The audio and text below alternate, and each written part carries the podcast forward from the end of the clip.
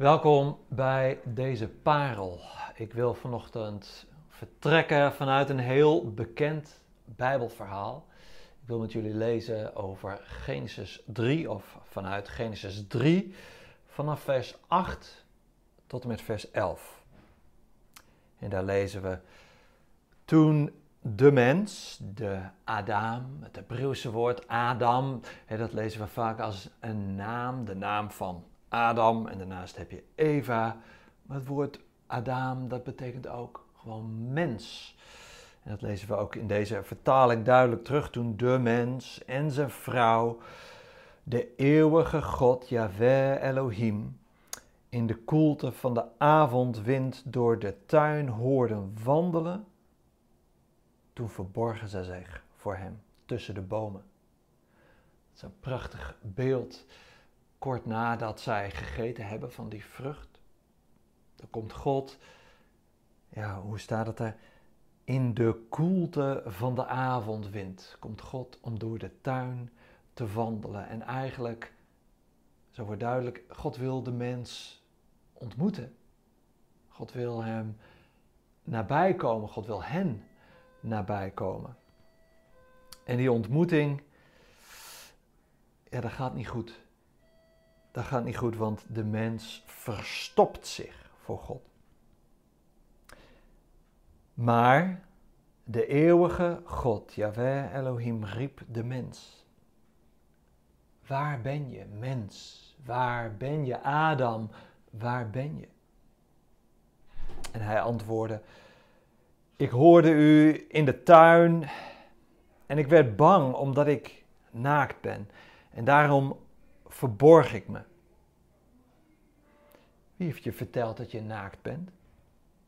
Heb je soms gegeten van de boom waarvan ik je verboden had te eten? De stamelende Adam ontmoet God.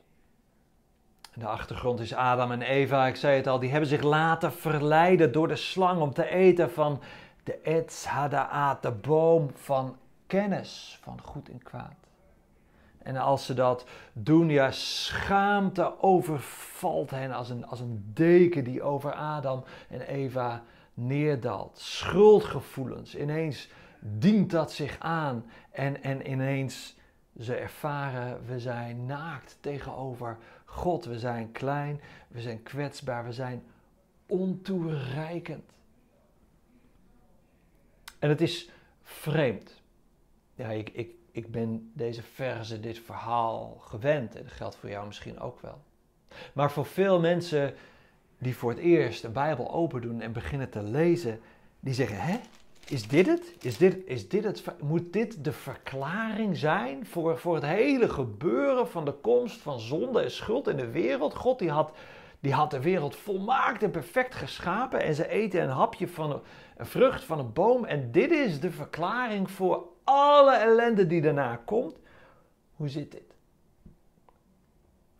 Het roept vooral veel vragen op. Wat gebeurt daar nou precies? En het ironische is, de vragen die daar komen, dat zijn eigenlijk precies weer vragen die groeien aan de boom van kennis van goed en kwaad. Precieze verklaring de zoektocht naar de feiten, het willen weten, het grip op de situatie willen krijgen. Maar het verhaal dat Genesis 3 vertelt, is niet een verhaal van harde feiten.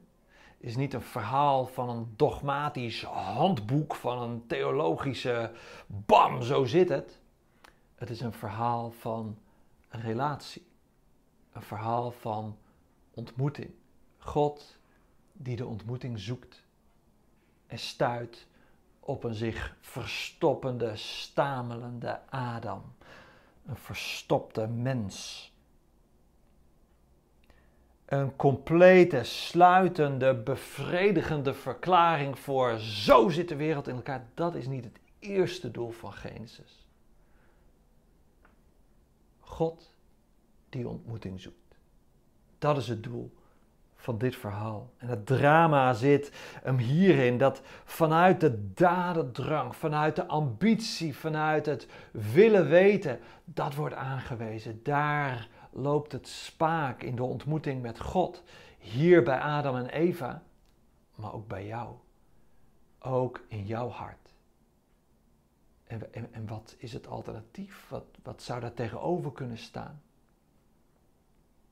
Adam en Eva beseffen hier, het is te hoog en te groot voor ons, waar we ons mee bezig wilden houden. En dat is precies, dat zijn de woorden die David ook schrijft in Psalm 131. Heer, niet met wat te groot en te hoog is wil ik mij bezighouden. Nee, ik wil stil worden en ik wil bij u komen. Het drama zit hem in onze dadendrang. In onze grip, in onze honger naar meer, naar kennis, naar een leven uiteindelijk ook zonder God. En Adam en Eva kunnen de ontmoeting niet aan. Als God in al die ja, zachtheid bijna, zoals het beschreven wordt, zich aandient. In die stille koelte van de tuin en een wandeling. En hij denkt, waar zijn Adam en Eva? En natuurlijk, God weet dat.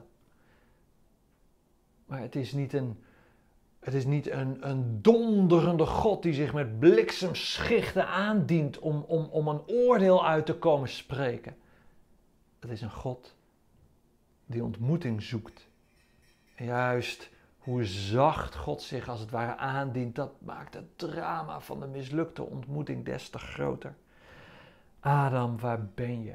Het is een God die de ontmoeting zoekt, maar ook een God die ter verantwoording roept. Het woord verantwoordelijkheid, dat, dat zweeft boven dit hele verhaal. Verantwoordelijk. Het woord antwoord, God roept en wacht op een antwoord. Maar Adam verstopt zich. Adam stamelt. En ook hierin weer, wat is het alternatief? Wat vinden we in de Bijbel? Wat kan er wel gebeuren als God zich aandient en roept? En dan zien we Samuel. En dan zien we Abraham. En dan zien we Jezaja. Drie momenten in die Hebreeuwse Bijbel in het Oude Testament waarin een antwoord klinkt. Hineni. Een Hebreeuws woord wat maar een paar keer voorkomt in het Oude Testament. Hineni, present, aanwezig. Hier ben ik. Ik luister. Mens, waar ben je? Waar, waar zit jij in je leven? Dat is de vraag waarmee God bij jou aanklopt. Waar ben je? En als God zich aandient, als God dichtbij komt, voel je je dan naakt? Voel je je dan ontoereikend? Zit er een deken van schuld of schaamte over je? Of kun je zeggen, hineni, present, aanwezig. God wil jou tevoorschijn roepen. Zoals Jezus ook in al zijn gesprekken, toen hij als God op aarde was en mensen tevoorschijn riep. Maar God wil ook ons voordoen hoe we een ander mogen benaderen, hoe we een ander tevoorschijn mogen roepen. Hoe benader jij de mensen om je heen? Ben je uitnodigend? Ben je vol liefde? Kunnen we present zijn voor God en voor elkaar? En kunnen we zeggen, Hineni, hier ben ik.